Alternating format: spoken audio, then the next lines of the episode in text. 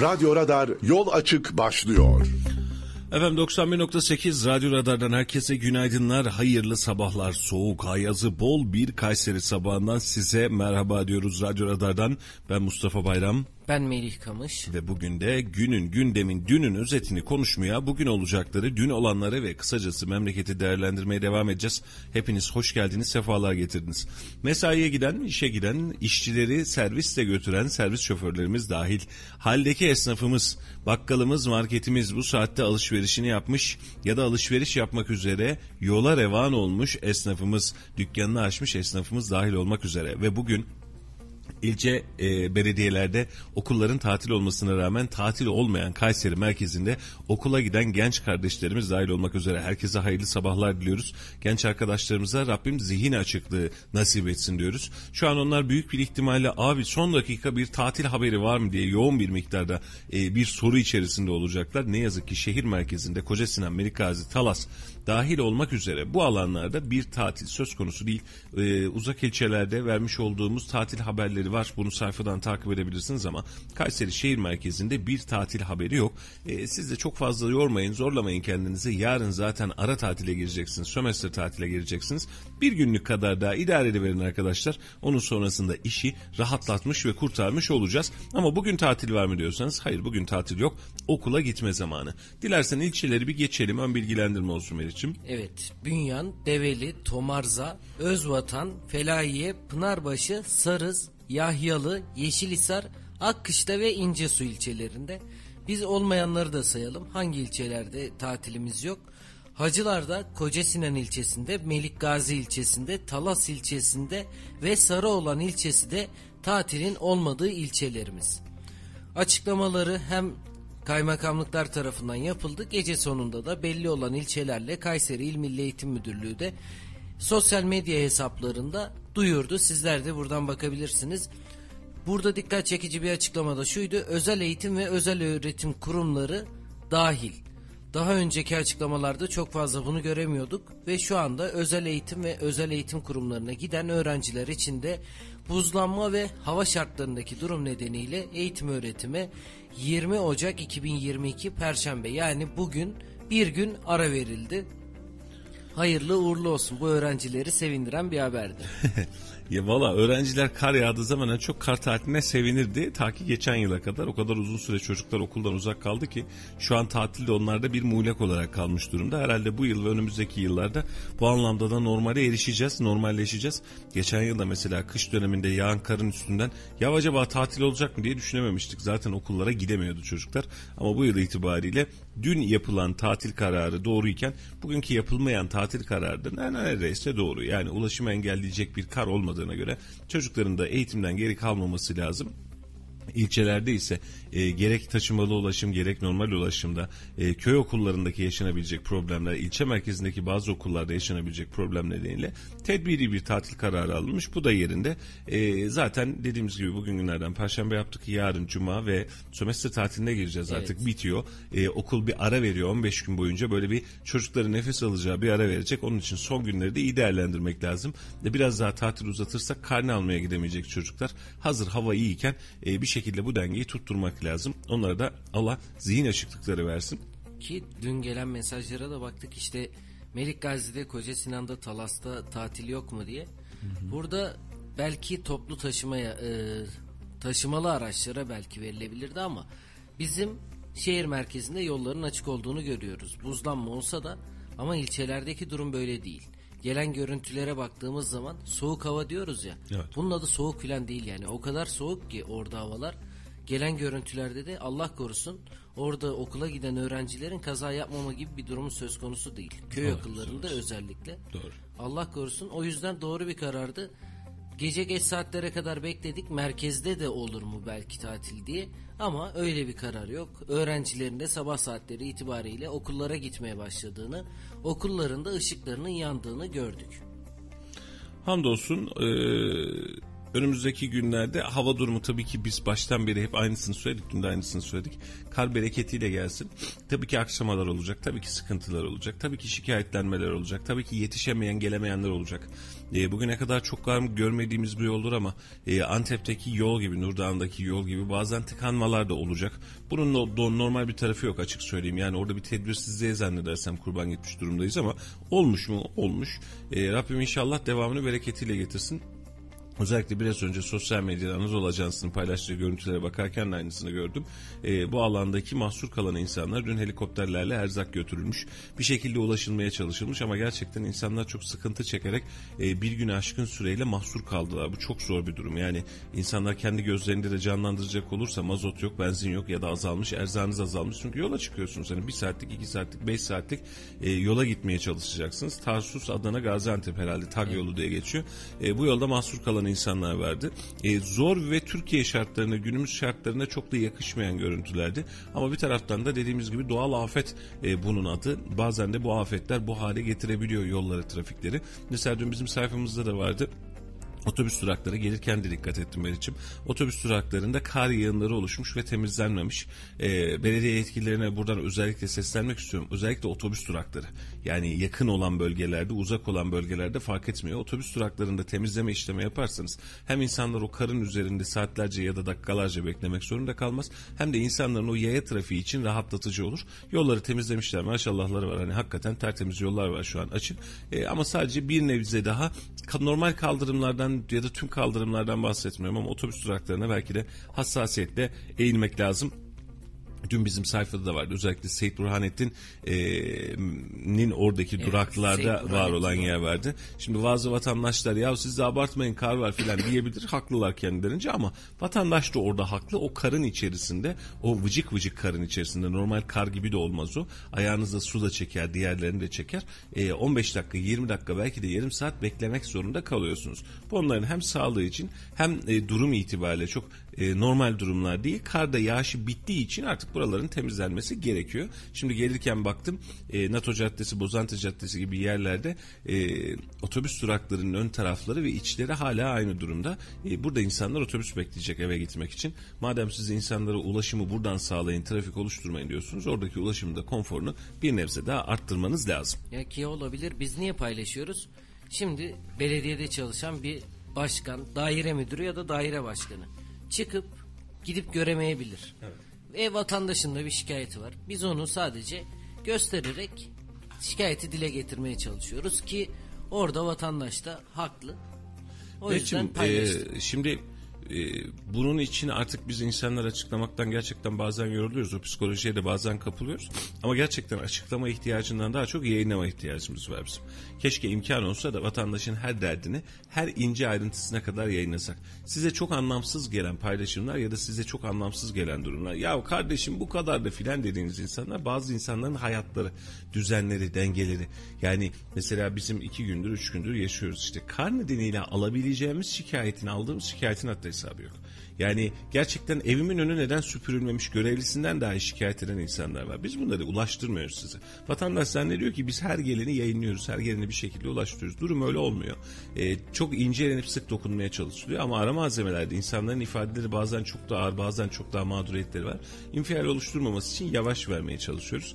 Ee, ama işte geçen bir deprem sonrası hatırlıyorsun yolda araçların sektiği, zıpladığı bir e, şey vardı, görüntümüz vardı. Yorumlarına bakıyorum. Şimdi ya bu da görüntümü paylaşıyorsunuz. Allah Allah ya görüntüyü seyretmedin ya biz başka bir şey değişiyoruz. Ama o insanın gözünde bu. Bunu itibarsızlaştırmak için oradaki mesajı da yazabiliyor. E, mesele sorunun çözülmesi, sorunun çözümüne yönelik işler. Buradaki aşağıda gelebilecek yorumların vesairelerin belli bir miktara kadar tabii ki çok önemi var. Ama belli bir miktardan sonra art niyetli yorumlarda dünkü paylaşımda da vardı o bahsetmiş olduğumuz art niyetli yorumların da için içinden çıkmak lazım. Yani senin için problem olmayabilir ama orada yarım saat suyun içerisinde beklersen ayakların ıslak bir şekilde o zaman görürsün ne demek istediğini o, o vatandaşın. Biz de ekibimiz olarak yani ki kalabalık bir ekibiz ekip olarak en doğru kararı vermeye çalışarak bu reaksiyonla bir şekilde bu haber ve gündemi yetkililere kamuoyuna ulaştırmaya ve oluşturmaya çalışıyoruz. E, ve gelen e, bazen böyle troll hesaplar üst üste bindirebiliyor bir bakıyoruz ortak yerlerden geliyor bazen onlar. Bunlar da çok fazla problem etmiyoruz Allah var. E, biz millet için çalışmaya hali hazırda devam edeceğiz. Evet dünün gündemine de bakalım. Dün neler oldu? Dün kabine toplantısı vardı. En önemli gelişmelerden birisi. Evet. Cumhurbaşkanı Tayyip Erdoğan muhtarlarla buluştu ve muhtarlar için de bir müjde verdi aslında. Aldıkları maaşların asgari ücret düzeyine geleceğini, asgari ücret düzeyine gelecek derken bir kaç para olacak diye meraklı gözler de olmuştu orada toplantı salonunda ve dedi ki 4250 lira seviyesine getireceğiz. Evet. Bundan sonra muhtarların maaşları da 4250 lira olacak. Hayırlı uğurlu olsun. Muhtarlarımız bir jest almış oldu. Bence de hayırlı uğurlu olsun. Ee, kötü rakam değil asgari ücret rakamına gelmiş oldu ki muhtarlarımız en son yanlış hatırlamıyorsam 2000 lira civarında bir para alıyordu. Ama e, muhtarların bir başka e, önemli ihtiyacı şu. Muhtarların dinlenilmeye, muhtarların icraat yapmaya, muhtarların hareket etmeye ihtiyacı var. Ama muhtarların şu an ellerinde hiçbir bütçe, icraat e, ya da yapılabilecek durumu yok. Muhtarların tek etkisi şu, mahallede olan bitene gidip belediye yetkililerine ya da valiliğe ya da emniyete bakın burada durum şu şu şu demek. Yaptığı tek iş bu. Halbuki biz seçiyoruz bu insanları. Yani belediye başkanını seçer gibi, şeyi e, cumhurbaşkanını seçer gibi, milletvekilini seçer gibi biz bu insanları seçiyoruz. En küçük birimimiz muhtarlar.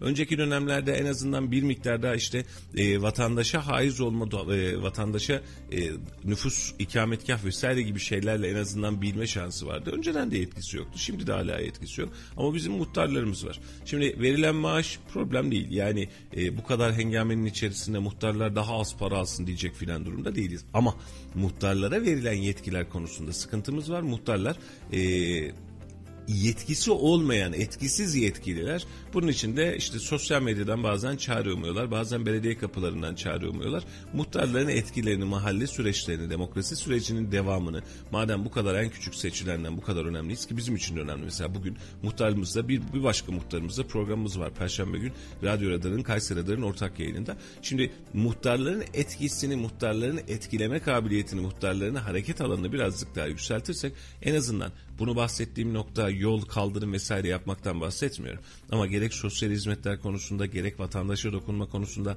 gerek mahalledeki sorunların şahidi olma ya da çözmek için hızlı süreç oluşturma konusunda bir mekanizma kurulacak olursa bence çok daha rahat olacak bu iş. Yani mesela muhtar oturduğu yerden e, çok daha hızlı bir şekilde e, mahallesindeki okuldaki şu sistemin yanlış olduğunu, şurada şu eksiğin olduğunu, şurada şu öğretmenin ya da şurada şu imamın sıkıntı yarattığını çok daha rahatlıkla sisteme bildirebilmeli ve dönüş alabilmeli diye düşünüyorum.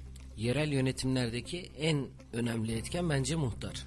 İşte o en önemli etkeninde hiçbir önemi yok birçoğunun evet. gözünde. Yani kapıdan alınmayan muhtarlar var. Yani e, bunu genel ve farazi söylüyorum ama dinlenmeyen muhtar var. Tamam muhtar hallediyoruz diyenler var. Ya senin kardeş işe sokmadık mı de, biz denilen muhtarlar var.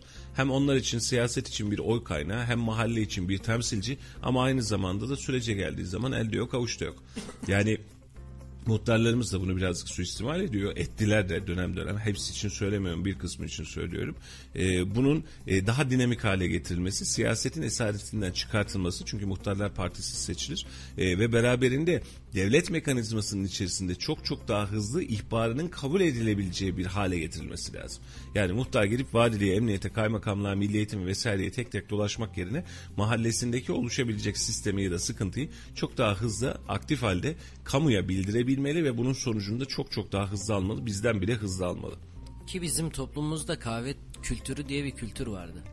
Akşam yemekten sonra giderler kahvede otururlardı. Pandemiden sonra da bitti. Evet. Hiç sorma. Pandemi dönemiyle beraber o kültür de biraz değişti ama muhtar bizim kahvede babalarımızla, amcalarımızla oturan ve dertlerini en yakından dinleyen kişi.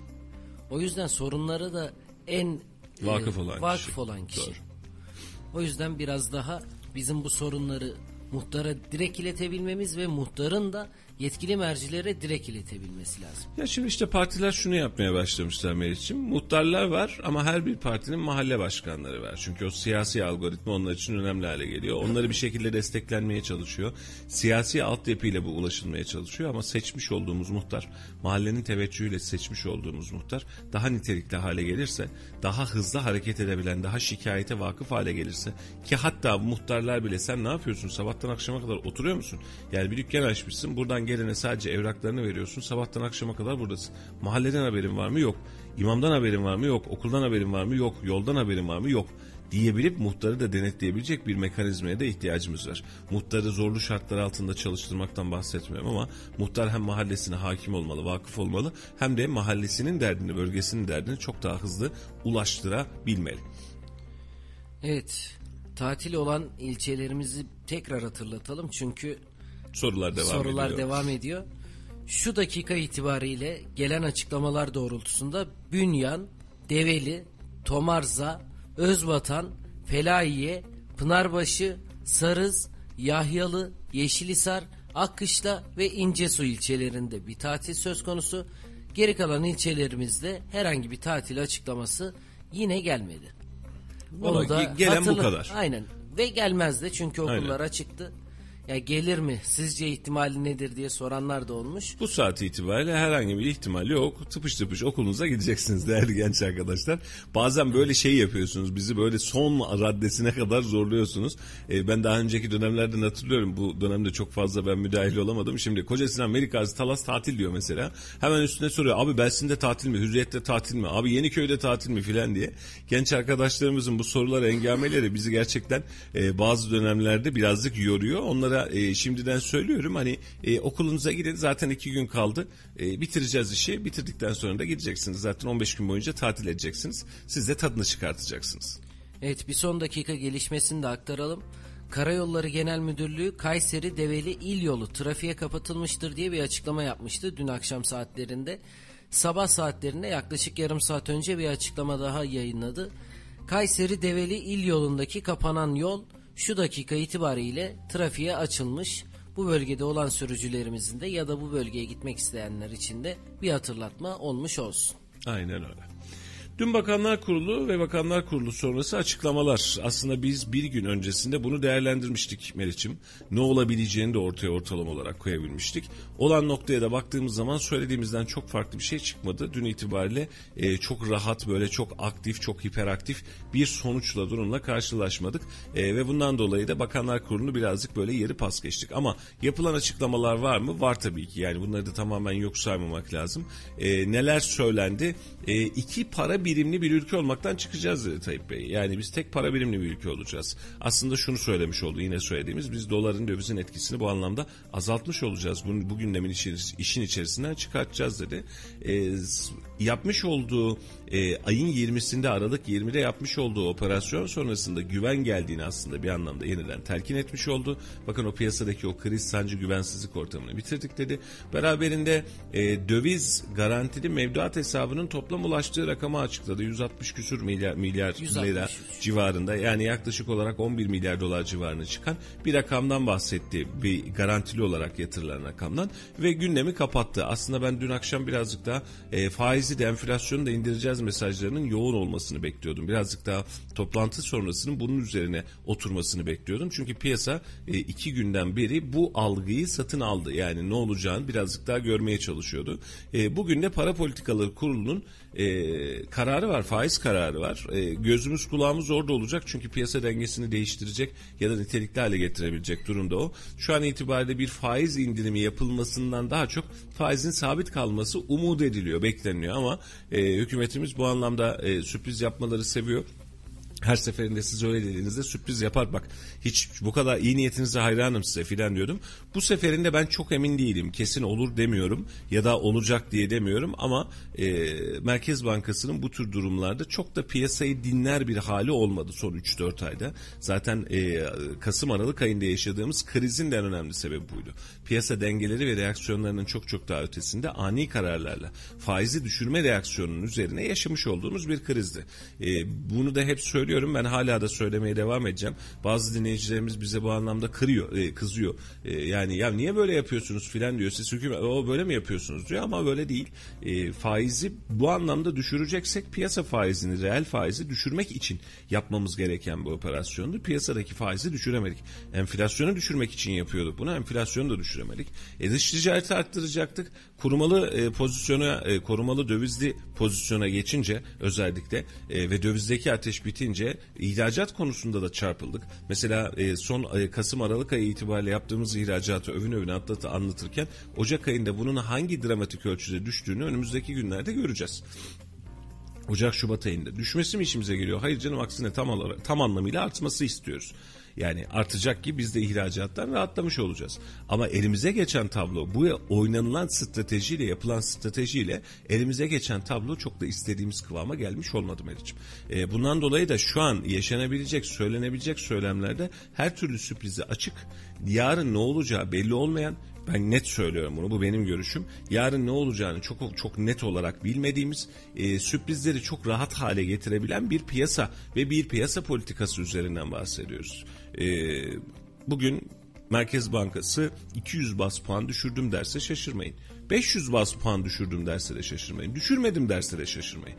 Çünkü bu şaşırılacak bir durum olmaktan ve piyasa reelinin bizzat kendisi olmaktan çıktı. E, buna göre de bir e, denge unsuru oluşturamayacak kadar da vehametli haldeyiz. Tabi vatandaşlarımız şöyle bakıyor. Ya kardeşim böyle söylüyorsunuz ama diyor bak dolar 18 liraydı 19 liraydı 13 liraya 14 liraya şu an itibariyle 13,5 civarında bu fiyata kadar düşürdü. Tamam da e, son 2 ayın içerisinde 8 liradan doları 12 liraya 13 liraya 18 liraya çıkartan da yine aynı sistemin açıklarıydı. Sistemde açık var. Ve siz bu açığı gidermek için kendinize farklı bahaneler üretim, buna karşı çıkan herkesi göreve alarak, görevden alarak işin tablosunu bu pozisyona getirdiniz. Bunu 3 yılın 5 yılın içerisinde yapmış olsaydınız, zamana yaymış olsaydınız ve anlık olarak piyasadaki normal yatırımcının, bakın küçük yatırımcı bile demiyorum, normal yatırımcının parasını almak adına bu uygulamaya geçmemiş olsaydık biz çok daha rahat nefes alabilecektik. Ama şu an piyasada dolara, euroya, altına yatırım yapanları yapmayanları önce zarar ettirdik. Bak yapmadınız 8 liradan 18 liraya çıktı kardeşim. Ne yaptınız siz gördünüz mü? Bak ne, ne biçim zarar ettiniz dediniz. Onlar devletine güvenen insanlar. Son anda ya yeter artık bu herhalde daha fazla çıkacakmış böyle deniyor. Ben gideyim de dolar alayım bari dedi. Gitti 15'ten 16'dan 17'den dolar aldı. E daha sonra bu adamın elinde 10-11 liraya yeniden düşürdük. Biz kimi kandırdık? Kimi yedik? Yani o gün de soruluyordu, mecliste de soruldu, bugün de soruluyor aynısı. Ayın 20'sinde bu kadar parayı alan satan kimdi? Açıklasanıza kimdi? Yani 18 liradan doları satıp da 10 liradan 11 liradan doları yeniden alan kimdi? 20 20 Aralık'la ilgili bir açıklama vardı. Dün Erdoğan tarafından. Kendi içerisinde dinmesini beklediğimiz bu dengesizlik hali devam ettikçe 20 Aralık'ta açıkladığımız bir tedbir paketiyle panik havasını dağıtmak mecburiyetinde kaldık. Açıkladığımız tedbir paketindeki unsurlardan biri olan kur korumalı Türk lirası mevduat hesaplarına ciddi bir ilgi gösterildiğini görüyoruz. Şu ana kadar 163 milyar Türk lirası sisteme geçmiştir. Diye Valla bir aydır evrilte evrilte çıkarttığımız noktada toplam 180 milyar dolar civarında olan total rezervi bankalardaki mevduat dolar rezervinin içerisinden aldığımız para bu. Yani yaklaşık olarak 8-10 milyar dolar civarında ve dışarıdan gelen parayla dahil. Bu insanlar zaten piyasaya para kazandıran insanlar değildi. Bu para zaten piyasada dolaşmıyordu. Hali hazırda bankada sakin sakin duran paraydı. Dolarda duruyordu, TL'de duruyordu. Sen merkeze doları çekmek adına şu an piyasaya böyle bir riski verdin. Yani yarın bir gün eğer bir dolar kuru çok daha farklı noktalara geçerse önümüzdeki 6 ay bir senenin içerisinde ki burası Türkiye e, bunun karşılığında çıkabilecek tablonun bedelini de vatandaş ödemiş olacak. Peki bunu yaparken doları mı düşürdük biz? Evet düşürdük. Nereden? 18'den nereye? 11'e. Şu an 14 lira, 13,5 lira. Anlatabiliyor muyum? Şimdi mesela basit bir şey söyleyeceğim Melih'ciğim. Şu an dün Amerika'nın açıklaması var. Rusya her an Ukrayna'yı vurabilir diyor. Ukrayna kendimizi savunmaya hazırız diyor. Rusya da Ukrayna ile Rusya'nın arasında bir savaş. Ukrayna'ya, Rusya'nın Ukrayna'ya saldırması bugün yarın eli kulağında beklenen bir gelişme. Peki Ukrayna kim kardeşim? Senin komşun. Nereden komşun? Deniz komşun. Doğru mu? Karadeniz'de kıyısı olan ülkelerden bir tanesiyiz. Ukrayna ile ilişkilerimiz var, Ukrayna ile ticaretimiz var, var oğlu var. Yarın, bugün inşallah olmaz. Yani savaştan yana değiliz. Rusya-Ukrayna krizi patladı ve savaş meydana geldi. Dünya ekonomisinde dengeler değişecek mi? değişir. Peki yakinen ilgilendirdiği için Türkiye'de dengeler değişecek mi? Değişir. Peki biz Ukrayna'nın yanındayız ya kendimizce.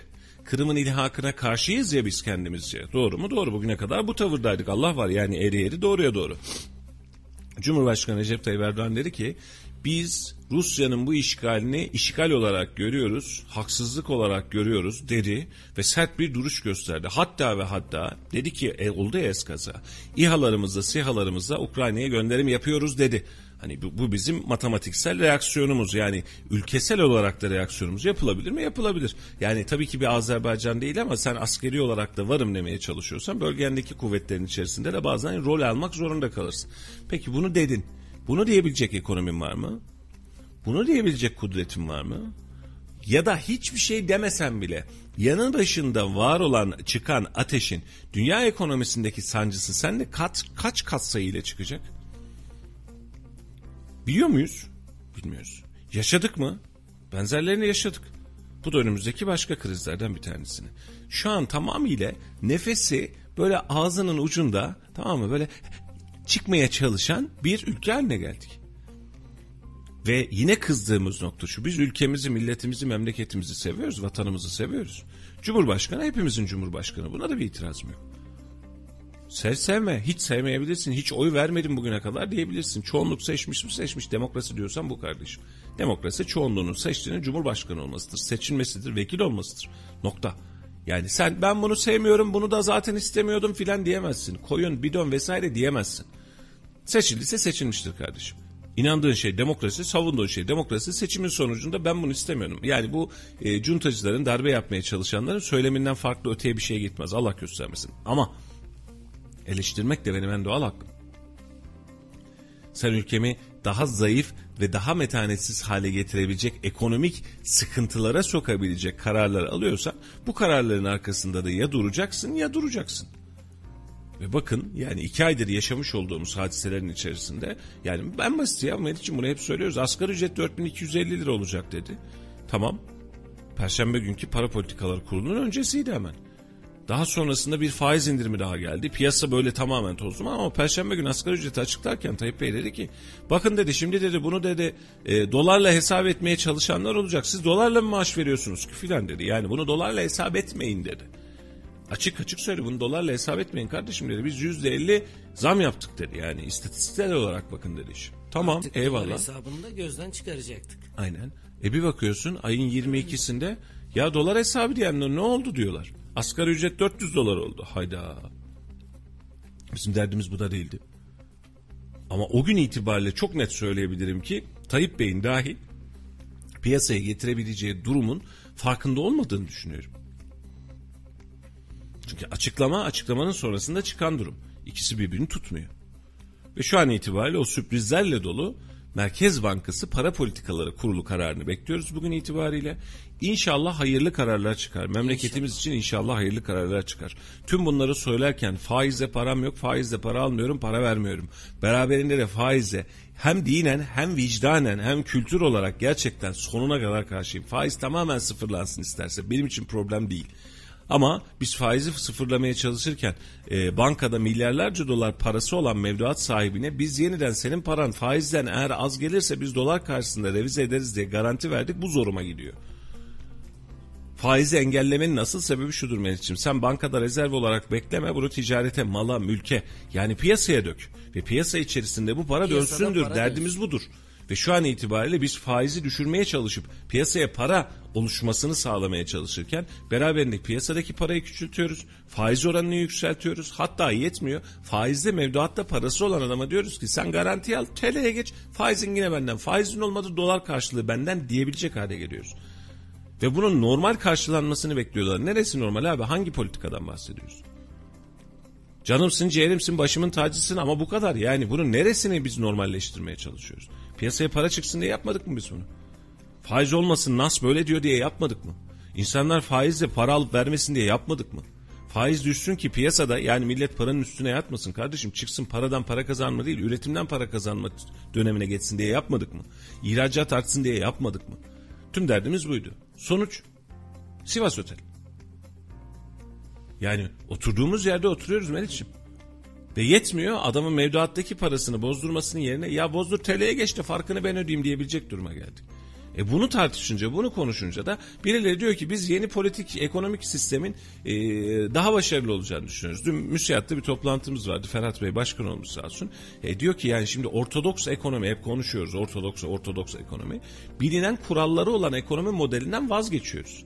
Hani bak kitabın yazdığı, kitaptan bahsederken ekonomi kitaplarının yazdığı ekonomi modelinden yani ortodoks modelden vazgeçiyoruz. Peki bizim hangi kitabımız? Ben ekonomistim diyor. Biz buna tamam diyoruz.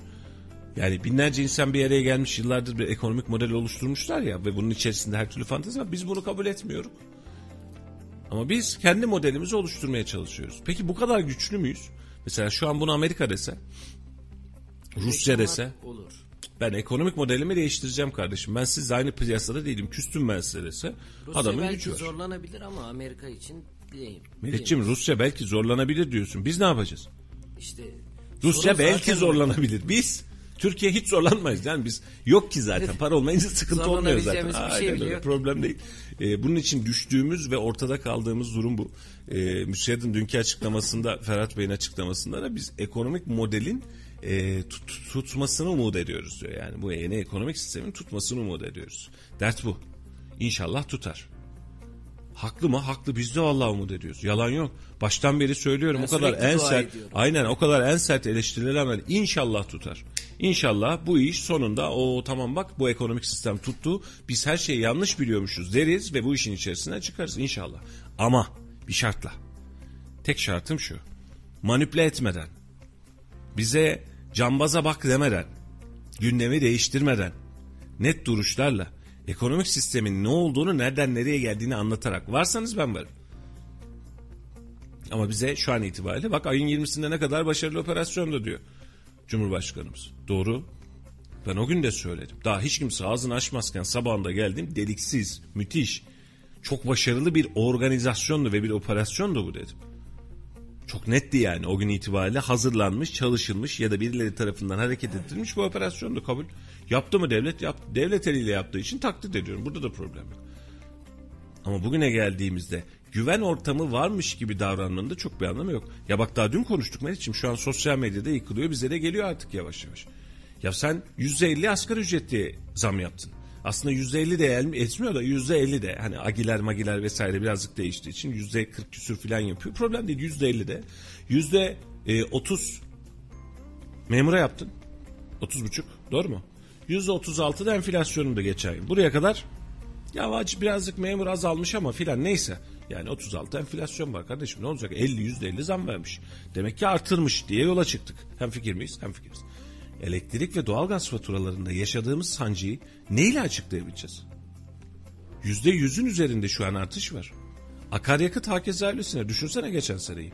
7 liraya 8 liraya maksimum 9 liraya ulaşmayan akaryakıt aldığım fiyatı şu an 13-14 liraya almaya başladı. Nasıl açıklayacağız bunu? Peki vatandaş nerede büyüdü, nerede küçüldü? Sana diyorum ki Meriç'ciğim sana zam yaptım. 5 alıyordun 15 alacaksın diyorum. Sen diyorsun ki aa ne kadar güzel. Yalnız benim evde oturuyorsun ya ev kirasını da 10 bin liraya çıkarttım diyorsun. Hayda. E dediğimiz yere geldik işte. E şu an vatandaş enerjide de aynı sıkıntıyı yaşıyor. Doğalgazda da aynı sıkıntıyı yaşıyor. Dün Tayyip Bey'in Bakanlar Kurulu sonrası açıklaması var. Dikkat ettiğini bilmiyorum arada. Yapılabilecek en küçük zam mı yaptık diyor. Doğalgaz ve elektriğe yapılabilecek en küçük zam mı yaptık? İki aydır söylüyorum aynısını. Enerji Bakanı ilk söylediğinde de söylemiştim hatırlıyorsun. Hani demişti ya bize e, faturanın dörtte birini siz ödüyorsunuz, dörtte üçünü biz ödüyoruz aslında diye. Şu an dörtte ikisini ödetiyor kıvamına geldi devlet.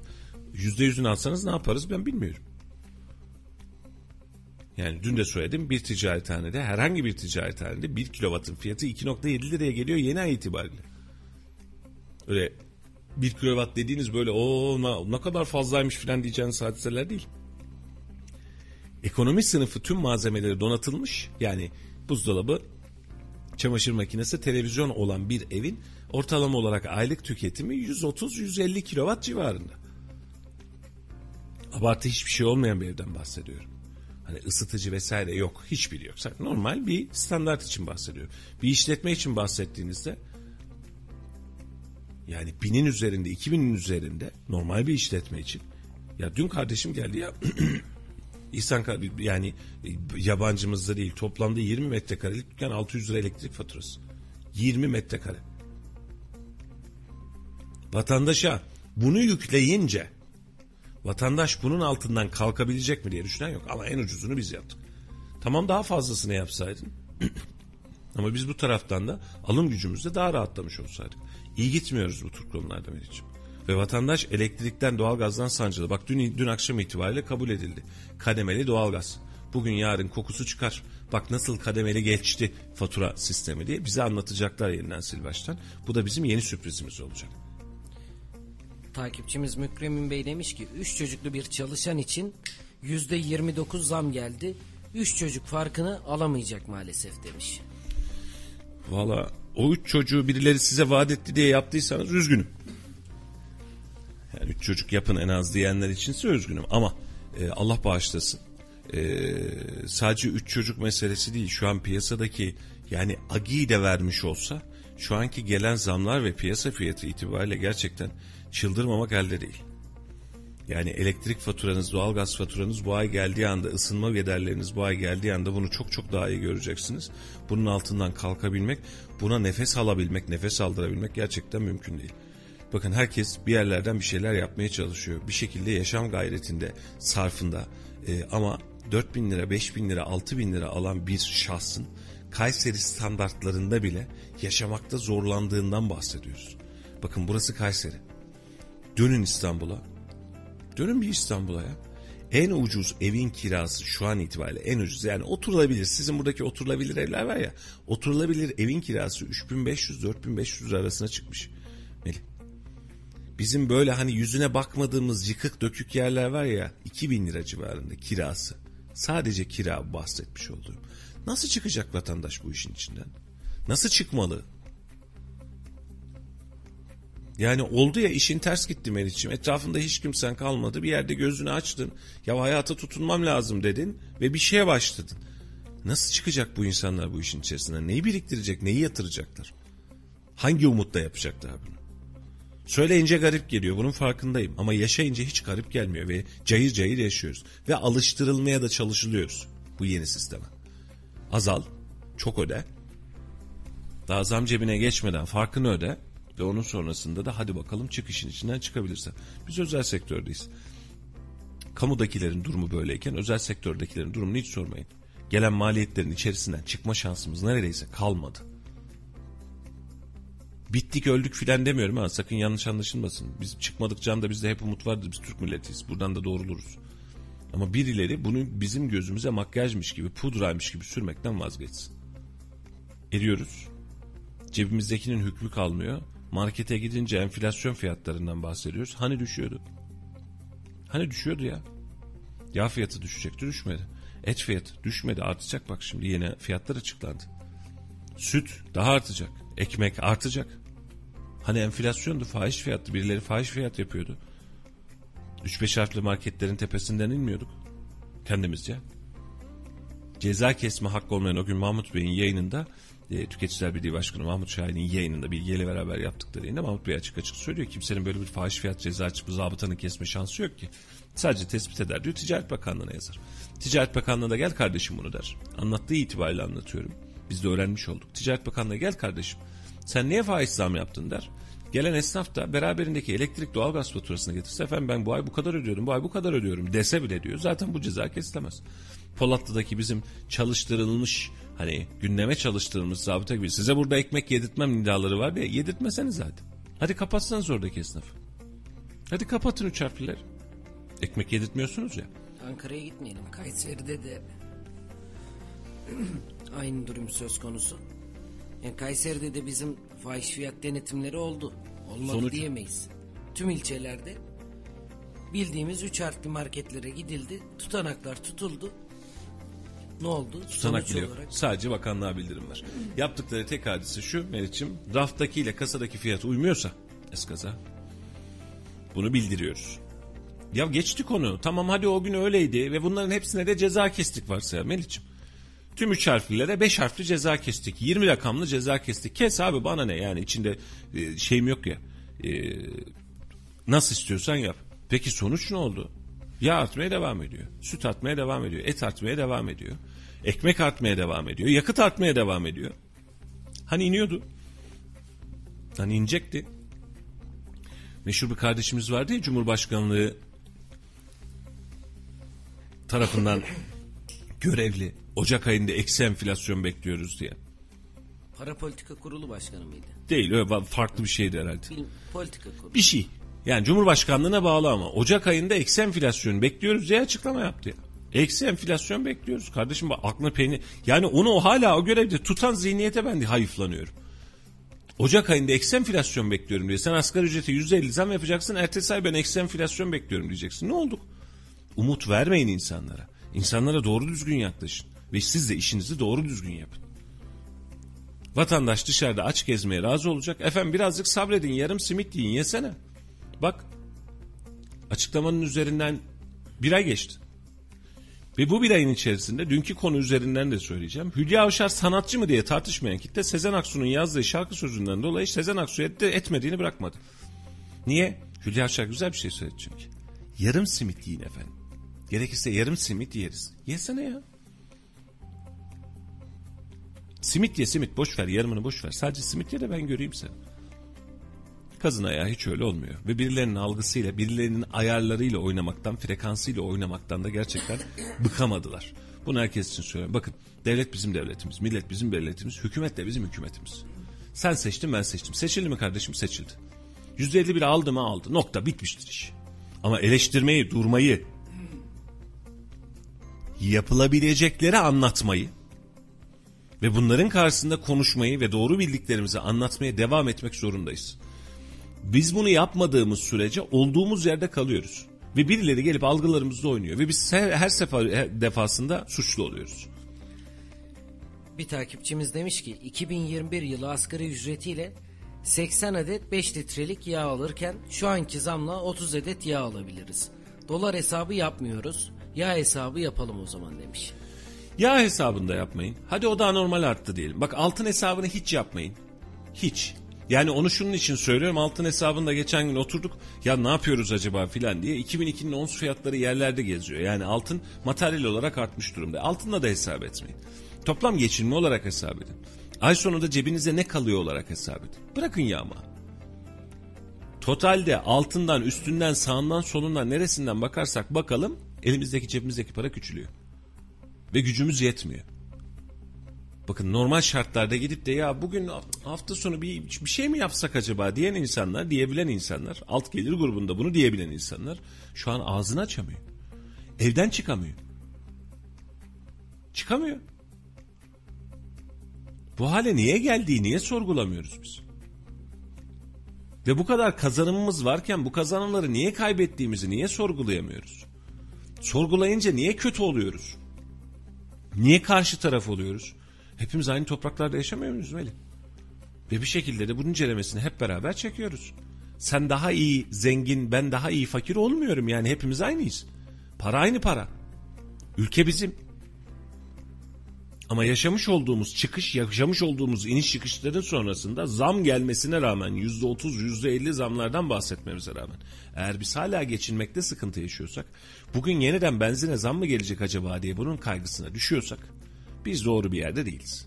Benzinle alakalı sıkıntıyı ben kaç gündür söylüyorum, geçen haftadan beri söylüyorum. Brent petrolde artış var ve yansıyacak diyorum. Bugün de bir level daha ekliyorum.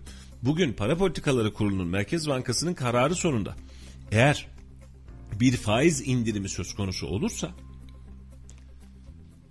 bir sakatlık daha yaşarız. Beraberinde hafta sonuna kadar Rusya Ukrayna arasında bir kızışma, bir çatışma meydana gelirse, dünya teyakkuza geçerse o zaman da biz bunun önünde arkasında duramayız. Demedi demeyin bunu da buraya yazın. Daha sonrasında biz her şeyi yaptık. Bir gecelik operasyonda evet süper bir operasyondu. Hiç itirazım yok. Ama o operasyonu da her gün yapamazsınız. Her gün bu noktaya getiremezsiniz. Çırpacak keriz kalmaz ortada kalırsınız. Evet. Dünkü açıklamalardan diğeri de elektrik tüketim desteği programı kapsamında 2.1 milyon haneye toplamda 6.4 milyar lira kaynak tahsis edilmiştir. Bu programın kapsamına kronik hastalığı sebebiyle cihaz kullanan elektriğe erişimde sıkıntı yaşanmasını engelleyecek şekilde değiştiriyoruz. Böylece 20 bin aileye daha elektrik elektrik desteği kapsamına alıyoruz ifadeleri de kullanıldı. Ne diyeyim ki Meriç'im? Ne diyeyim ki? Yani sen e, ben seni dövüyorum sonra hastaneye götürüyorum ve senin kahramanın oluyorum. Bu böyle bir şey. Yani seni hem döveceğim hem kahraman Şimdi destek verilmesi gereken aileler var. Sunal'ın filmi vardı ya. Evet. Şimdi destek verilmesi gereken aileler var. Destek verilmesi gereken yardıma muhtaç insanlar var. Eyvallah. Her birine eyvallah. Versin devlet desteğini versin. Sosyal hizmetler versin. Belediyeler versin. Biz verelim. Herkes devlet destek versin. Ama sen ne, kimi neye satıyorsun ya? Kime ne dağıtıyorsun sen? Ben anlamıyorum ki. Şu kadar aileye elektrik desteği vereceğiz. Ya efendim siz destek vereceksiniz de bizim destek dayanacak yerimiz kalmadı. Gitti vallahi gitti. Yani ben ne hangi desteğe dayanacağımı bilmiyorum. Sen diyorsun ki fakir fukaraya destek vereceğim. Ver. Sen vermezsen ben de vereyim. Hep beraber verelim. Totalde bunun fakir fukara bütçesi diye benim bütçemin üstünden kes. Sana verdiğim vergiden de problem değil. Bunların hepsine kabulüm. Ama sen birilerine elektrik için vesaire için destek vereceksin ve bunu da bak bu kadar aileye daha destek verdik diyeceksin. Ne diyeceğiz bunun karşılığında Meriç'im? Ben çok fatura ödüyorum gücüm yetmiyor ama devletin var olsun bazı ailelere destek veriyor dememizi mi bekliyoruz? Algılar ve olgular. Elimizdeki malzemeler ve elimizdeki malzemelerin algılar. Ben açık söyleyeyim yani iki gündür de aynısını söylüyorum. Gelen elektrik, e, doğalgaz faturalarının sonrasında vatandaşın nefes alabilecek yerinin ve moralinin kaldığını düşünmüyorum.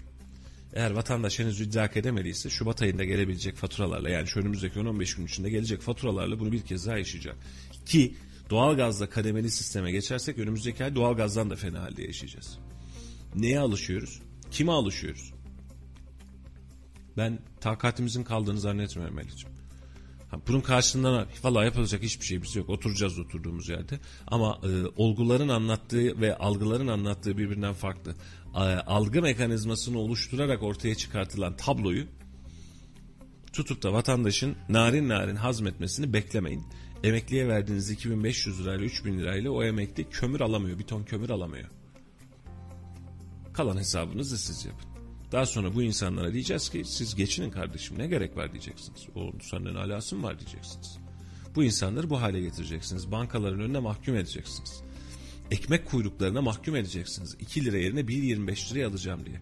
Bakın kaç gündür konuşacağız. Gündem yoğun depremde oydu buydu geçiyoruz. Kayseri Büyükşehir Belediyesi meydandaki kent ekmeğin hemen ön tarafına bir tabela koymuş. 60 metre ileride diye. Bize ilk geldi tabela. Allah Allah ne oluyor acaba dedik. Meğerse ikinci bir büfe açmışız. Hem meydanda çok sıra olmasın, sıralar bölünmüş olsun hem de psikolojimiz rahatlasın diye. Doğru bir tavır mı? Doğru canım. Beş tane de açsan olur yani hiç fark etmez. Ama hadise şu. Senin o ekmeğini almak için insanlar bir yerlerden geliyor ücretsiz ulaşımla. Senin 65 yaş üstüne vermiş olduğun ücretsiz ulaşımla geliyor meydana kadar. iki tane ekmek için Dört tane ekmek için, sekiz tane ekmek için kaç tane lazımsa yarım saat sırasını bekliyor. Çünkü sadece o saatte gelirse var. Sonraki saatte gelirse yok. Yani geldiği saatte var. İki saat sonra gittiğinde o ekmek kalmamış oluyor. Çünkü tükeniyor. Ve bu insanlar bunda 75 kuruş tanesinde 70-75 kuruş için sıra bekliyor. Başka sorumuz yok. Net söylüyorum. Bizim ekipten kullanan arkadaşlar da var. Belediyenin ekmeği çok kaliteli. Net söylüyorum. Yani bu, bu, bu bir başarı. Mustafa Çelik Başkan zamanında yapılmış bir ekmek fabrikası orası ve gerçekten çok başarılı bir iş çıkartıyor ekmek üretiminde ve nitelikli üretiyorlar. Kaytur'da Allah var. Belediye ekmek fabrikası da bu anlamda nitelikli iş üretiyor. Ellerine emeklerine sağlık. Fiyatı da uygun doğru. Fiyattan hatta zarar da ediyor bu da doğru. Ama şu an itibariyle vatandaş oradaki 75 kuruşun derdinde. Kalite ayrı, 75 kuruş ayrı.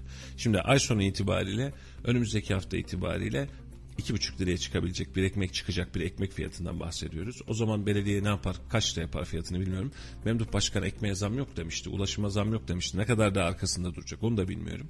Ee, ama sonuç itibariyle 2,5'a çıktığında siz 1.25'te kalacaksanız e, değil izdihamı 2 tane büfeyi meydana 8 tane de büfe yapsanız bunun arkasına yetişemeyeceksiniz.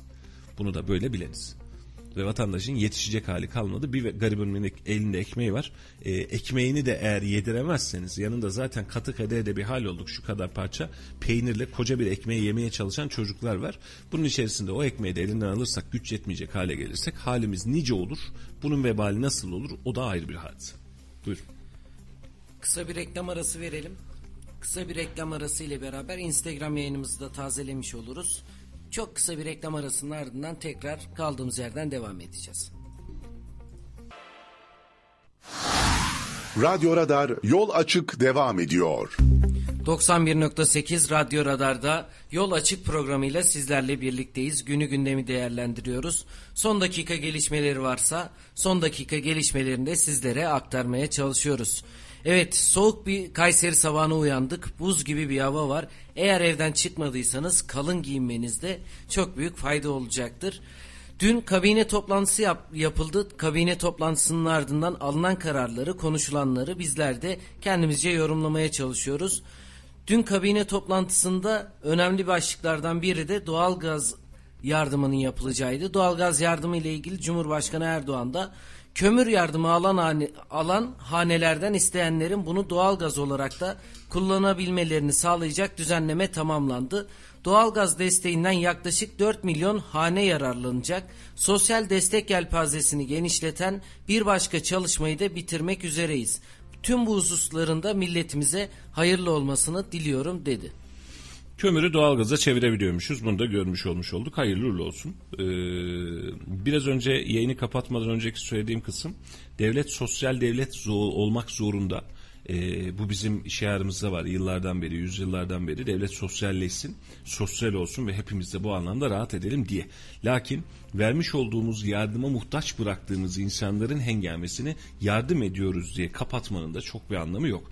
Şimdi engellidir, yaşlıdır bunlara yapılan yardımlardır bunlarda bir itirazımız yok. Yani devletin mesela güzel yaptığı işlerden bir tanesiydi. Evde yaşlı bakımlar dahil olmak üzere yaşlı aylıkları, emekli aylıkları e, bunlar devletimizin verdiği güzelliklerdi, niteliklerdi. Ellerine emeklerine sağlık. Ama bahsetmiş olduğumuz özellikle son 6 ay bir yıl içerisindeki yaşadığımız sancıdan bahsediyoruz. Yani iyilerin yanına koyduklarımızdan bahsediyoruz ve şu an e, bunu gündeme getirip bunu dilimize alıp da sanki e, herkese ya da ihtiyacı olan herkese verilebilecek, e, yetiştiremeyen herkese verilebilecek bir doğal gaz yardımıymış gibi çıkmanın da çok bir anlamı yok. Üzerinizde mülkünüz varsa olmaz, maaşınız varsa olmaz, olmaz da olmaz. Bunun için o sancıyı, o hengameyi birazcık daha netleyerek bakmak, netleyerek görmek lazım işin içerisinde. Evet. Kabine toplantısı bittikten sonra açıklamalarda tabii biz bekledik ki başka bize sürpriz olabilecek kararlar olur mu? Omikron varyantı ile ilgili özellikle çünkü bilim kurulunun açıklamaları vardı. Ben Cumhurbaşkanı Erdoğan'dan da farklı bir açıklama gelir mi diye beklemiştim ama bu konunun üzerine çok fazla durulmadı. En önemli söylediği şey biraz da maskemizi takalım. Omikron varyantı geldi ama bir sıkıntısı yok diye bir açıklaması vardı kendisinde. O yüzden Pandemi de birazcık şey daha gündemimizden çıktı, çıkacak gibi baştan beri de söylüyoruz. Çıkması da gerekiyor artık. İşte maske, mümkünse aşı bunlara da dikkat ederek işin içerisinden çıkmamız gerekecek. Olması gereken tablo da bu. Buna doğru dönüyoruz. Ee, dönmek de lazım, dönebilmemiz de lazım ama e, tabii ekonomik şartlardan başka şeylerden bahsederken e, başka dünyalara da göz atmak ya da yönümüzü çevirmek de zor. Ekonomi bu kadar bu haldeyken, bu hengamedeyken ve hepimizde belirsizlik hakimken faturalar gelince biz ne halt edeceğiz durumunu yaşarken beraberinde de ya kardeşim işte omikron varyantı da aslında delta plus varyantıyla ka- kafa kafaya yarışırdı filan diyebilecek halimizde kalmadı. E, bunu da herhalde yetkililer de iyi kötü fark ediyordur, durumu da anlıyorlardır. E, Bakanlar Kurulu'nun beklenilen sonucundan daha çok bugün para politikaları kurulunun yapacağı açıklama faiz indirim açıklaması bizi çok çok daha enterese ediyor. E, faiz indirimi gelecek mi? Gelirse ne olacak? Borsa iki gündür bunu satın alıyor. E, bir şekilde bu malzemeyi değiştiriyor. Ama beraberinde de dolar piyasasında, dolar euro piyasasında hareketlilik daha minimize. E, bunun farklı sebepleri var. Piyasada para olmaması gibi farklı sebepleri var. 17'den 18'den alınan doların yeniden piyasaya verilmemesi gibi sebepleri var. Sadece bunun için bile doların belli bir süre içerisinde bu rakamlara çıkartılıp indirilebilmesi gibi bir proje dahi gündemlerinde var. Bu engelmeleri, bu sancıları hep beraber yaşıyoruz ve bugün Saat 14'te para politikaları kurulunun faiz kararıyla beraber gözümüzün önünde bir kez daha göreceğiz. Ama yine söylüyorum etrafımız bu kadar karmaşıkken gündemimiz bu kadar yoğunken, dünya bu kadar karmaşaya alışmışken, emtia fiyatları bu kadar artmışken dünyadaki enflasyon bu kadar artmışken bizim de çok sağlıklı huzurlu bir gelecek ya da gün görme şansımız yoktu. Ben e, e, dünya emtia fiyat mesela petrol fiyatları bu kadar aş, aşmışken e, karşımızdaki durum bu olmasaydı ve petrol fiyatları artıyor olsaydı ağzımızı açıp söyleyebileceğimiz çok bir şey olmayacaktı. Çünkü dünyadaki petrol fiyatı artıyor ve biz de bir petrol üreticisi değiliz nokta. Ama Şu an ödemiş olduğumuz rakamı dolar cinsinden bakacak olursanız eğer dolarımız 8 lira 9 lira civarında olsaydı biz şu an yakıtımız için 10-11 lira civarında belki de 10 lira civarında para ödeyecekken şu an itibariyle 13-14 ödüyoruz. Hadi şimdi yine 13-14 ödeyecek olsak bile devletimiz bu işin içinden para kazanıyordu diyecektik. Yani hesapsız yapılan işler ve hesapsız yapılan gelişimler bize bir miktar maliyet olarak dönüştü ve dönüşmeye de devam ediyor. Önümüzdeki günlerde de biz bu hengamenin kargaşanın içerisinde gerek emtia fiyatlarında gerek dolarda gerek Brent petrolde e, bunların sancılarını da yaşayacağız. Bugün her toplantıda açıkladığımız 160 milyar 160 milyar oldu, 170 milyar oldu, şu kadar paramız oldu dediğimiz her kuruşun acısını da önümüzdeki süreçte cayır cayır çekeceğiz. Yani ülke olarak çekeceğiz. Ya keşke o 164 milyar olmayaydı da keşke 1 milyar da kalaydı diyeceğiz. Çünkü bu devletimize yük olarak, devletten de milletimize yük olarak dönecek rakam. Daha önce iki kez denenmiş, başarısızlıkla sonuçlanmış ve bunun başarılı olma ihtimali yok. Dünyanın başka bir yerinde de yok böyle bir sistem. Ve biz bu sistemin içerisinde sadece piyasayı kurtarmak adına işte Bakan Nebati'nin açıklaması var diye dolardaki 1 lira bize ne kadar mal oluyor biliyor musunuz diyordu. O dolardaki 1 lira 1 lira artış devam ederken bir de buradaki milyar milyar artışlardan bahsedeceğiz. İyi gitmiyor. İşin bu kısmı iyi gitmiyor. Sonucu iyi olsun. Umudumuz da o. İnşallah iyi olur. Hep söylüyoruz ama umudun var mı abi dersem ben de yok kardeşim. Peki borsalar bu kararı nasıl aldı? Yani borsalardaki durum şu an ne? Çünkü kararı satın aldı diyoruz ama düşmesini mi bekliyor borsa yoksa faizin sabit tutulmasını mı Banka bekliyor? opsiyonlarının artması yani banka hisselerinin artıyor olması ve diğer materyal hisselerinin düşüyor olması piyasayı şunu gösteriyor. Bankalardaki düzenleme ve faiz indirim artırımla bankalara artı pozisyona geçirecek. Yani şu an piyasa faiz indirimini bekliyor. Görmüş olduğum tablo o. Ama dün itibariyle bakıyorum. Dün akşam öğleden sonra itibariyle, akşamüstü itibariyle ben bakmamıştım özür dileyerek söylüyorum. Tüm pozisyonunu artıya çevirmiş. Bankalardaki artı daha fazla. Dün başka bir dalgalanma, dün başka bir hava yaşamış işin açıkçası piyasa. Şu anki gördüğüm tablo itibariyle borsanın yani söylemiş olduğu tablo itibariyle e, borsa o satın almaktan vazgeçmiş. Tamam normalleşiyor burası demiş. Yani muhtemelen borsaya salınan haberde bir faiz indirimi olmayacak konusunda ya da spekülatörler e, aynen öyle e, bu noktaya getirmiş durumda gibi. Saat 9'da aç, e, 10'da açılacak borsa. E, 10'da açıldığında bir kez daha tabloyu görüyoruz. Alıyor mu, satıyor mu, veriyor mu, vermiyor mu diye. E, ama iki günün kırılganlığı vardı. Dün birazcık kendini toparlamış ama önce, ondan önceki iki gün boyunca eksiye doğru sürekli olarak kendini yoran ve 2000 puanın altında kapatan bir borsa vardı. Dün itibariyle 2042 puanda kapatmış. Bugün Perşembe, Perşembe günkü sonucu da bir kez daha hep beraber bekleyeceğiz. Normalde kesin düşürürler diyebileceğim bir haftaydı Ee, ama yine söyledim daha önceki kesinlerden sonra yılın ilk toplantısı kesinini ben de söyleyemiyorum ama düşürürlerse benim an için de şey sürpriz için olmaz. şey. Düşürürlerse benim için sürpriz olmaz. Kesin diyemem ama düşürürlerse de benim için sürpriz olmaz işin açıkçası. Hayırlısı olsun ve bizler de beklemekten başka çaremiz yok. Çünkü faiz indirimi gelir mi yoksa sabit mi tutulur? Biz bunun etkilerini daha önceki dönemde 20 Aralık'a kadar olan dönemde kısa süre içerisinde görmüş olduk. Ve bugün de bir karar açıklanacak. Bu kararı da bizler de yakından takip edeceğiz. İnşallah. Dünün güzel haberleri vardı. Dünün bence en güzel haberi, şehir için en güzel haberi Kayseri Spor'un Başakşehir karşısında 1-0 maçı galip bitirmesiydi.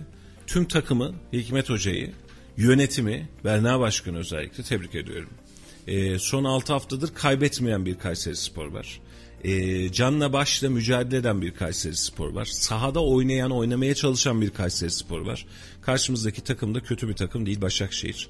Ee, Emre Belezoğlu geldiğinden beri mağlubiyet almamış bir takımdan bahsediyorduk biz. Ee, müthiş bir futbol diyemeyeceğim. Ama müthiş bir sonuç var ortada. Müthiş bir futboldan kastettiğim şu. Mesela bir önceki hafta oynadığımız maçta Kayserispor müthiş bir futbol oynadı.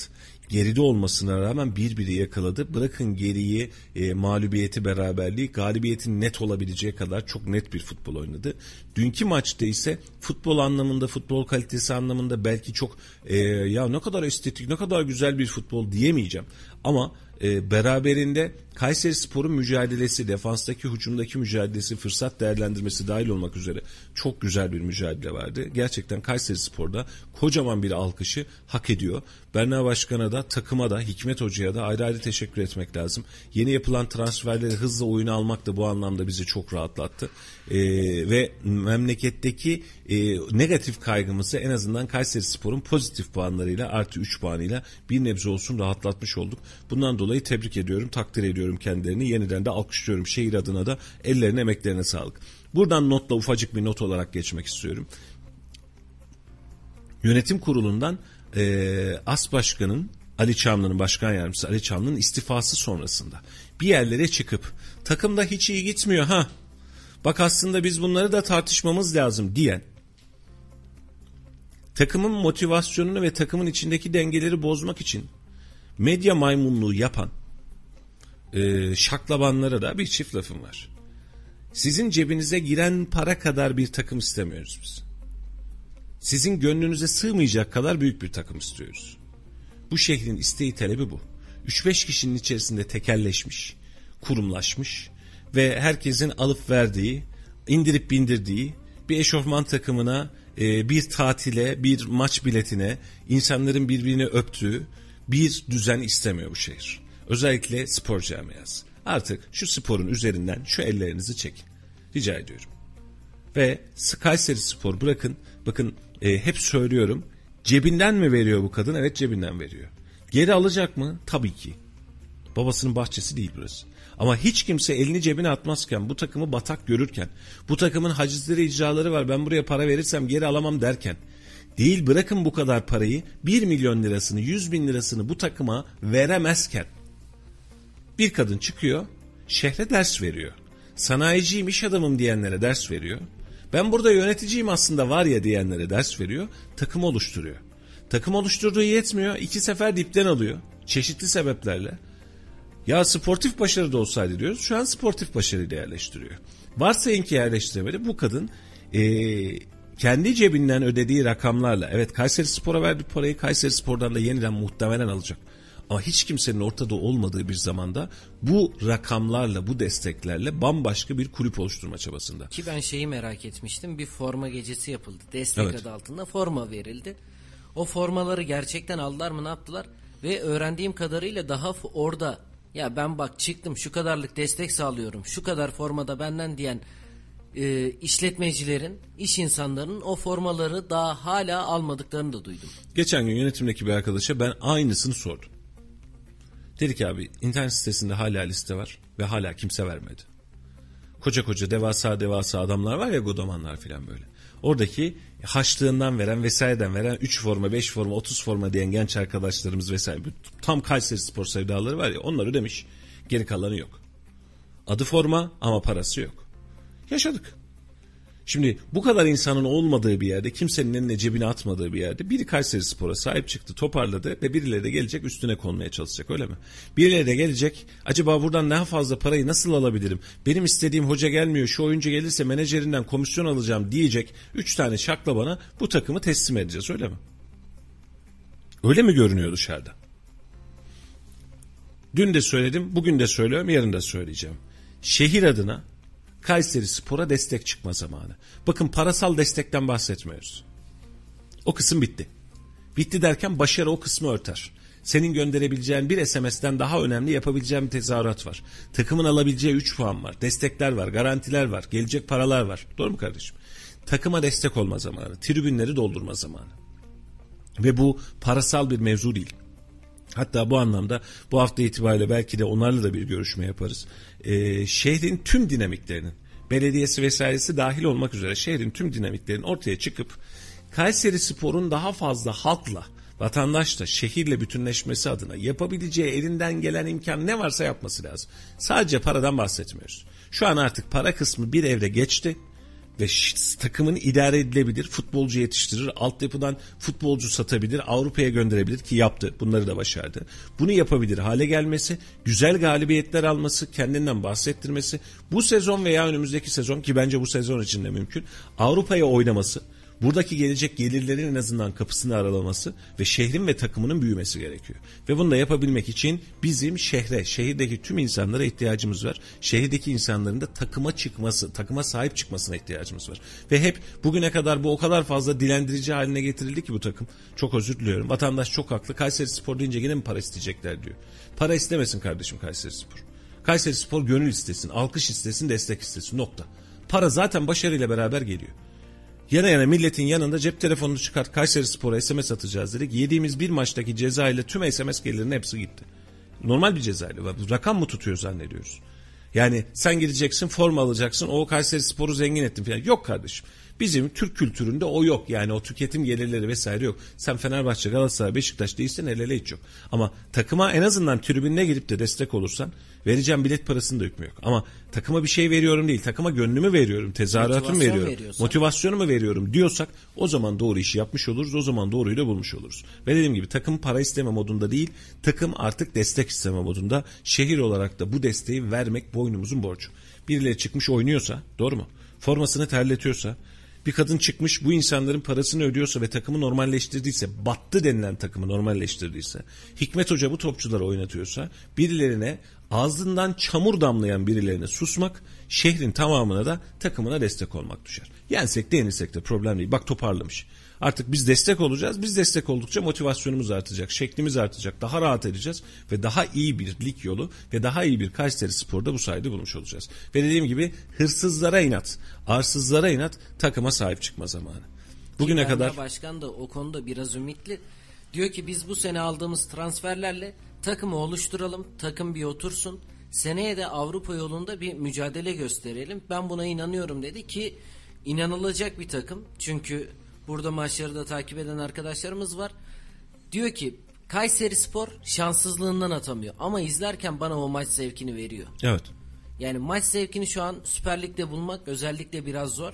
Ama Kayseri Spor maçında bile bu seyir zevkini bulabiliyorsanız bizim se- e, vatandaş olarak bu şehrin takımını bizim desteklememiz lazım. Gidip eskiden konuştuk geçtiğimiz yayınlarda da konuştuğumuz konu vardı. Bir kültür varmış Kayseri'de. Maç kültürü. Hep beraber çıkar esnaflar maça gider orada izlerler gelirlermiş. Aynı şeyi biz Kadir Has Stadyumunda da yapalım. Gidelim maçımızı izleyelim. Gerekirse tezahüratımızı yapalım.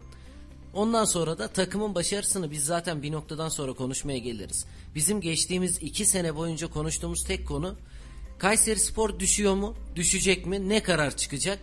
Kaçıncı bitireceğiz? Denizli mi sonuncu olacak yoksa Kayseri mi sonuncu olacak? Bunu konuşuyorduk ama şu an konuştuğumuz konu tamamen bir başarı, bir başarı örneği. O yüzden Berna Başkan'ı da tebrik etmek lazım. Aynı şekilde hem Hikmet Hoca'ya hem de futbolculara helal olsun. Ellerine emeklerine sağlık. Dediğimiz gibi günün güzel haberiydi. Destek olmak için de çaba sarf etmeye devam edeceğiz. Bugünün programında ne var? Ee, bugünün programında Kayseri gündeminde Ali Babacan var. Ali Babacan Kayseri'de e, dün akşam itibariyle geldi. Burada konakladı hatta. Bugün birazdan bizim de katılacağımız bir basın toplantısıyla güne başlayacağız. Ee, beraberinde tabii ki STK'lar vesaireler görüşmeler var. Akşam yemeği var. Böyle bir program akışı var. Ee, buradan detayları ve haberleri size ulaştırmaya çalışacağız. Bizzat da takip edeceğim programlardan bir tanesi olacak. Detaylar üzerinde yine yarın sabah da belki bu akşam belki farklı bir canlı yayına da konuşabiliriz. Ee, tabii güne gündeme bakmak lazım. Melik Gazi Belediyesi'nin e, gün içerisinde e, yapmış olduğu yıl değerlendirme toplantısı var. Buradan notlarımız olacak. Yarın sabah konuşmak üzere. E, ve beraberinde de e, suç suç unsurlu çocuklarla alakalı yapılan bir program var Erciyes'te. E, bu program yani onların topluma kazandırılmasıyla alakalı yine takip edeceğimiz programlardan bir tanesi e, ve e, size de bunların detaylarını ulaştırmaya çalışacağız. Kayseri gündeminde maçın ardından gelişen gündem bu. E, şehrin kar sorunu var mı? Var. Evet tüm ülkenin var ama şu an e, Allah var yine hakkını inkar etmemek lazım. Yollarımız açık. E, kaldırımlarımız kısmen kapalı ama bugün gün içerisinde biraz havanın biraz rüzgarın biraz da belediye çalışanlarımızın etkisiyle bu da birazcık daha toparlanacak gibi. Ani ve üzerine gelen yeni bir kar dalgası beklenmiyor hemen bugün yarın itibariyle ama soğuğu ve ayazı fazlasıyla hissedebileceğimiz bir e, havayla karşı karşıya kalacağız. E, E, soğukta kalanlara Allah kolaylıklar versin ama bu işin de bereketi de buyken azabı da bu birazcık böyle çektiriyor. E, ama yapacak bir şey yok. E, iyi bir mevsim için e, buna ihtiyacımız var. E, yine gündemde benzin ve akaryakıt zamları vardı. Dizelden sonra dün benzine gelen zam vardı. Ben bugün şom ağacını açarsın bunu da yeniden müjdelersin dedim Birazdan ama vereyim. hiç hiç bahsetmedin. E, kaç gündür söylediğimiz hadise şu an 88 dolar civarında bir Brent petrol fiyatı var. Benzin akaryakıt zamları bir mecburiyetti. E, mecburiyet gerçekleşti. Herhalde LPG de bugün yarın eli kullandı diye tahmin ediyorum. E, ardından da e, eğer Brent petrol fiyatları artışa devam ederse ve bugünkü para politikaları kurulu sonrası toplantı sonrası açıklamalara da bir bakarsak dolarda inşallah bir artış olmaz ama olursa e, bunlar da akaryakıta otomatik olarak yansıyacak zamlar olarak karşımıza çıkacak. Bu konuda da elimizden bir şey gelmiyor. Ay sonu itibariyle ekmek fiyatında bir değişiklik söz konusu. Ete zam geldi. Etin toptan kesim fiyatlarına çiftçiyi sevindiren ama tüketiciyi üzen bir zam talebi var. Hatta bununla alakalı da laf sokaklığımız vardı Hüseyin'cim. Onu da hazırlarsak ete gelen zammı da e, sokağa sormuştuk. İstersen arada bir hemen onu da e, konuşalım vatandaşa. Şöyle ki e, et ve süt üreticisine verilebilecek zam her ne kadar cebimizden çıksa da bu bize acıtsa da değerli dinleyiciler bunu yapmak zorundayız. Yani açık söyleyeyim. Çiftçi e, sonrasında hayvanını kesime göndermek zorunda kalıyor. Yarın bir gün bugün 50'ye 60'a 70'e et alabiliyor muyuz dediğimizi 2 ay sonrasında 3 ay sonrasında bakın net söylüyorum altını çizerek 100-150 liraya almak zorunda kalabiliriz. Bunun için verilebilecek destekler oradaki denge açısından önemli ve buna mecburuz. Çiftçiyi desteklemek de zorundayız. Vatandaş tabii ki zam olduğu için tepkili e, ve haklı da. Yani çiftçi de zaten aynı tepki. İşte gübreye zam gelmiş diyor, yeme zam gelmiş, her şeye zam gelmiş diyor. Ben de aynı tepkiyi yaşıyorum. Dün bir çiftçi kardeşimle konuşuyoruz. E, %350 civarında yem fiyatından farkından bahsediyor bir yılın içerisinde. E tabii ki bu zamlar ete yansıyacak, süte yansıyacak. E, çiftçi de bu anlamda çaresiz. Ama istersen bir sokağa soralım. Bir sokak ne diyormuş ete zamla alakalı ardından yeniden buradayız. Et ve Süt Kurumu et fiyatlarında güncellemeye gitti. Buna göre yerli etin kesim fiyatı 50 liradan 60 liraya çıkarılırken ithal etin fiyatı ise 48 liradan 58 liraya çıkarıldı. Biz de Laf Sokak'ta ekibi olarak Kayseri halkına yeni et fiyatlarını sorduk. Bakalım nasıl cevaplar aldık. Hiç olmamıştı. Keşke düşürselerdi. Çünkü et zaten yemiyoruz. Alamıyor musunuz? Alamıyoruz zaten. Maaşımız belli. Vallahi çok pahalı alamıyor. Her şey çok pahalı. Aldığımız maaş olduğu gibi gidiyor. Al, aylık aldık yatırdık gidiyor. Gidiyor. Hep borçlara faturalara. Batırıya gidiyor. Başka bir şeye değil. He. Hiç faydası Yani yok. boğazdan çok kısalıyor. Pahalı olduğu için alamıyoruz veya almıyoruz. Bir de kırmızı et pek tüketmiyoruz zarar olduğu için. Fakat çok yani pahalı. Allah millete yardım ede. Şu anda milletin alım durumu yok. Et yemeyi unuttuk biz. Allah'a havale. Peki çözüm ne sizce? Valla düzelecek inşallah. Kurbandan kurbana yiyoruz et yani gidip de aldığımız yok. İşin açıkçası bu yani. Yine hemen bir şey olduğu zaman gidip alıyoruz da çok zam. Hayat çok pahalı. Özellikle bizim gibi emekler için daha da pahalı yani. Peki sizce çözüm nedir? Çözüm yani öyle bir şey ki ben size şöyle bir şey anlatayım. Yani Türkiye'de her şey var. Bir örnek vereyim. Etten değil ama dünyanın yüzde yetmiş fındığını biz üretiyoruz. Dünyanın en pahalı fındığını biz yiyoruz. Bu neye benziyor biliyor musun? Arabistan'da mazotun, petrolün en pahalı olduğu bir şey gibi yani. Bunu yetkililer düşünsünler artık yani. Ne düşünelim? Herkesin düşündüğü gibi zam zam her şeye zam.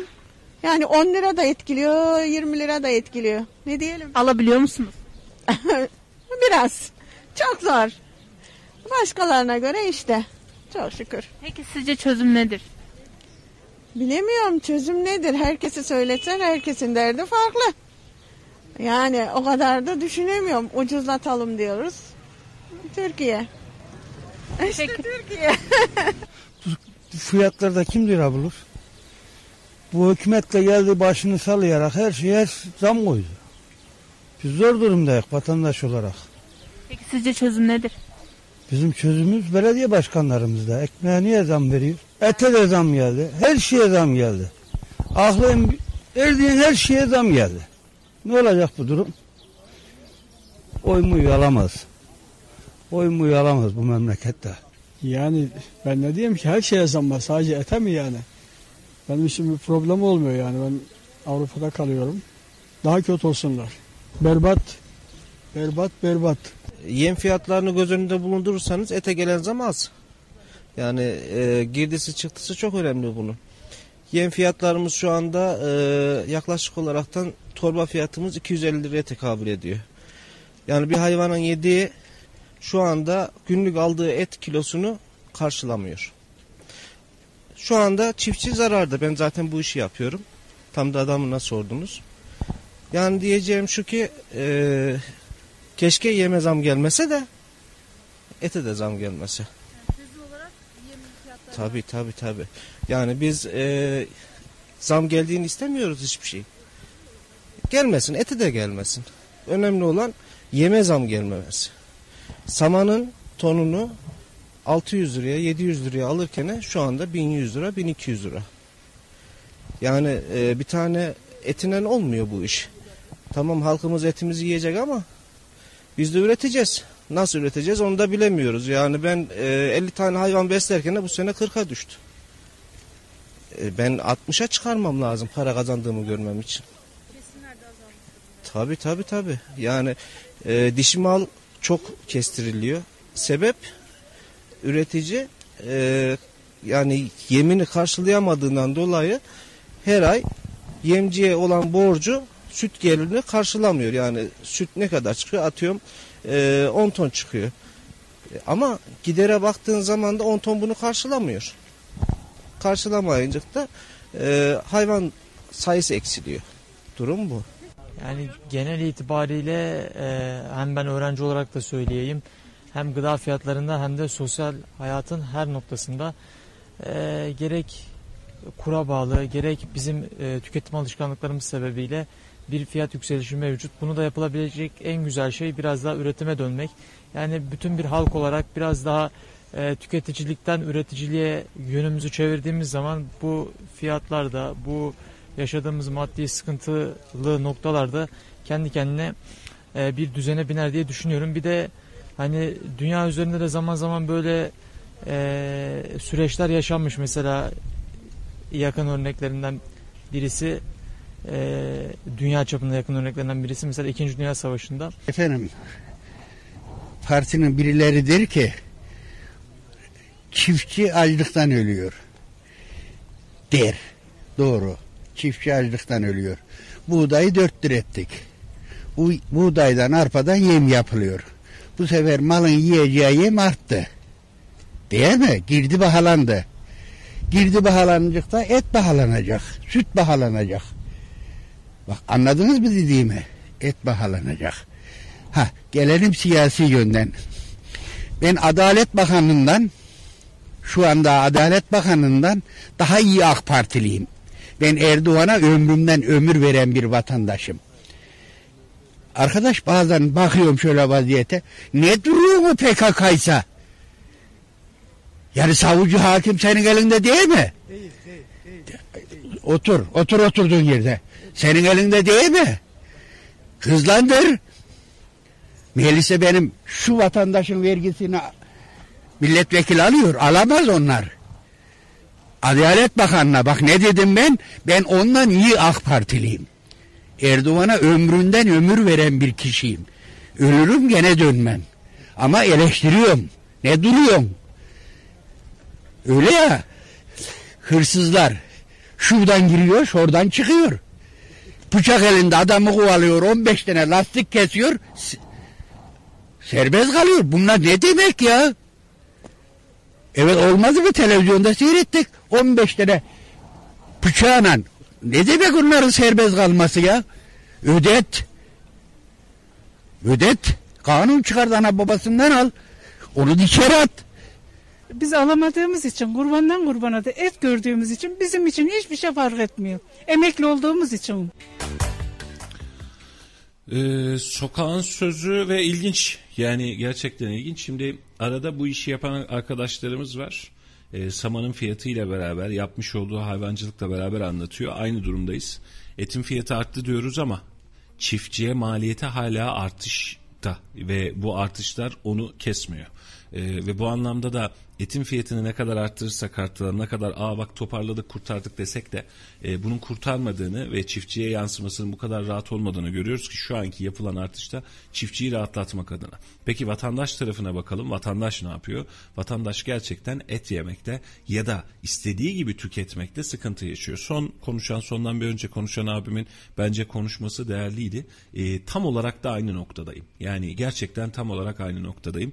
AK Parti'ye oy verip vermemeniz önemli değil. Vermişsinizdir ya da vermemişsinizdir. Bu sizin keyfiniz. Ama mesele şu geldiğimiz noktada biz desteklediğimiz partileri de eleştirebilecek onları doğru yola sevk etmek için bakın doğrusu bu diyebilecek durumda olmamız lazım. Yani gerçekten konuşabilen bir millet, konuşabilen STK'lar, konuşabilen insanlar memleket için çok çok daha değerli durumda. Bunu da özellikle gözlemlemek, bunu da özellikle anlatmak, bunu da özellikle yaşatmak lazım. E, yapan arkadaşlarımızın ellerine sağlık e, ve beraberinde de e, bakmış olduğumuz yerde çiftçiye olan dengeyi, çiftçiye olan desteği de arttırmamız gerekiyor. Bugün 50 lira mı 60 lira mı 80 lira mı diyeceğiz ama o desteği eğer doğru zamanda veremezsek e, yarın bir gün 100 liraya 150 liraya 200 liraya et yiyemeyecek hale gelebiliriz. Bir ablam güzel söylemiş demiş ki kurbandan kurbana yiyoruz demiş. Belki bu kurbanda buna gücümüz yetmeyecek kadar et fiyatları ve hayvan fiyatları artmış olabilir.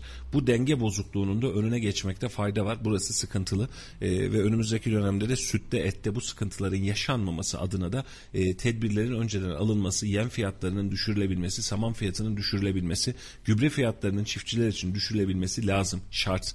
E, beraberinde yarın bir gün sütle alakalı da aynı sancıyı yaşayacağız. E, çünkü maliyetler kurtarmaz vaziyette, girdi maliyetleri çok artmış vaziyette.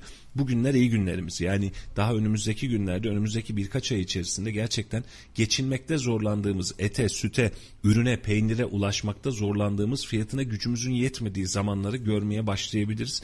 Bu tehlikelerin farkına varmak lazım. Bunu da önceden görmek lazım. Yarın bir gün fahiş fiyat diye meydanlara çıkıp 3 tane 5 tane market gezerek bu işi toparlayamayız. Maliyetler artıyor, süreç zorlanıyor. Enerji fiyatları, yakıt fiyatları bunların her birisi doğalgaz fiyatları vatandaşa etki ediyor. Üretim maliyetini etki ediyor ve enflasyonu mecburen tetikliyor.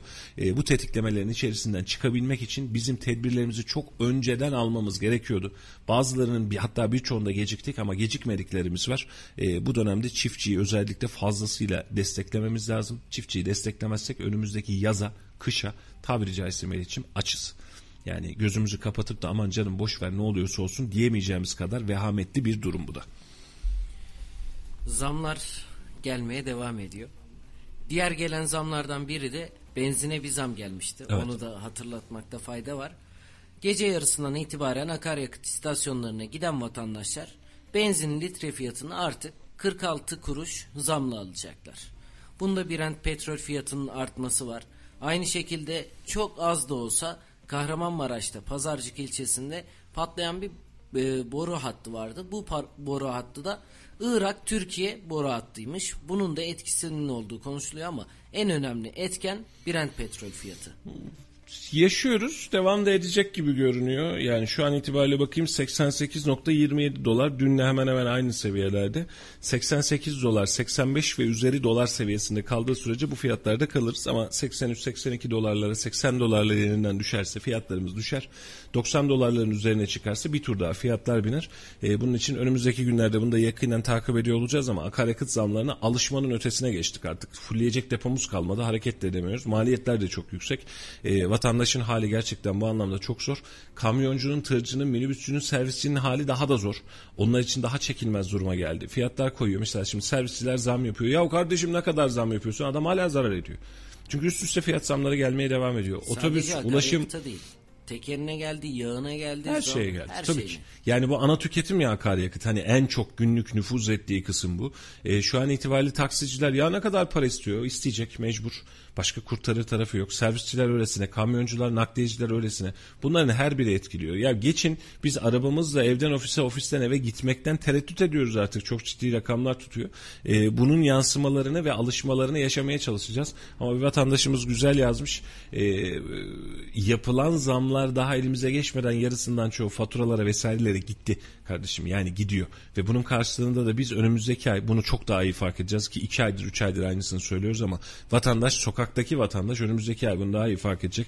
Ya para cebimde değil ama hiçbir şeyim kalmamış noktasına doğru gidiyoruz. E, bunun için destekler de önemli hale geliyor. E, Meriç'im e, katılmam gereken bir basın toplantısı var. Onun için ben birazcık erken ayrılacağım. Dilersen e, kapatalım. E, ve yavaştan bugün bir erken müsaade isteyelim sevgili izleyicilerimizden. E, 91.8 Radyo Radar'daydınız. Her gün 9'a kadar süren programımız bugün ne yazık ki bir başka basın programı nedeniyle katılmamız gereken program nedeniyle birazcık erken bitirmemiz gerekecek. Özür diliyoruz bununla alakalı. Günün gelişmelerini size aktardık ve yarın da yine aynı saatler arasında 7'den 9'a kadar günü gündemi ve hatta bugünün yaşananları da size aktarmaya çalışacağız yorumlarımızla ve yarın önümüzdeki hafta itibariyle de artık sizler de eğer isterseniz sizlerden de yavaş yavaş canlı telefon bağlantısı almaya başlayacağız. Sizin fikirlerinizi de önemsiyoruz. Bu anlamda canlı telefon bağlantıları da sabah saatlerimizde sizi de yayınımıza ortak etmek niyetindeyiz. Katıldığınız için, tahammül ettiğiniz için, bize yol arkadaşlığı yaptığınız için hepinize teşekkür ediyoruz. Sürçülisan ettiysek affola efendim. Yarın yeniden görüşmek üzere, hoşçakalın. Radyo Radar yol açık sona erdi.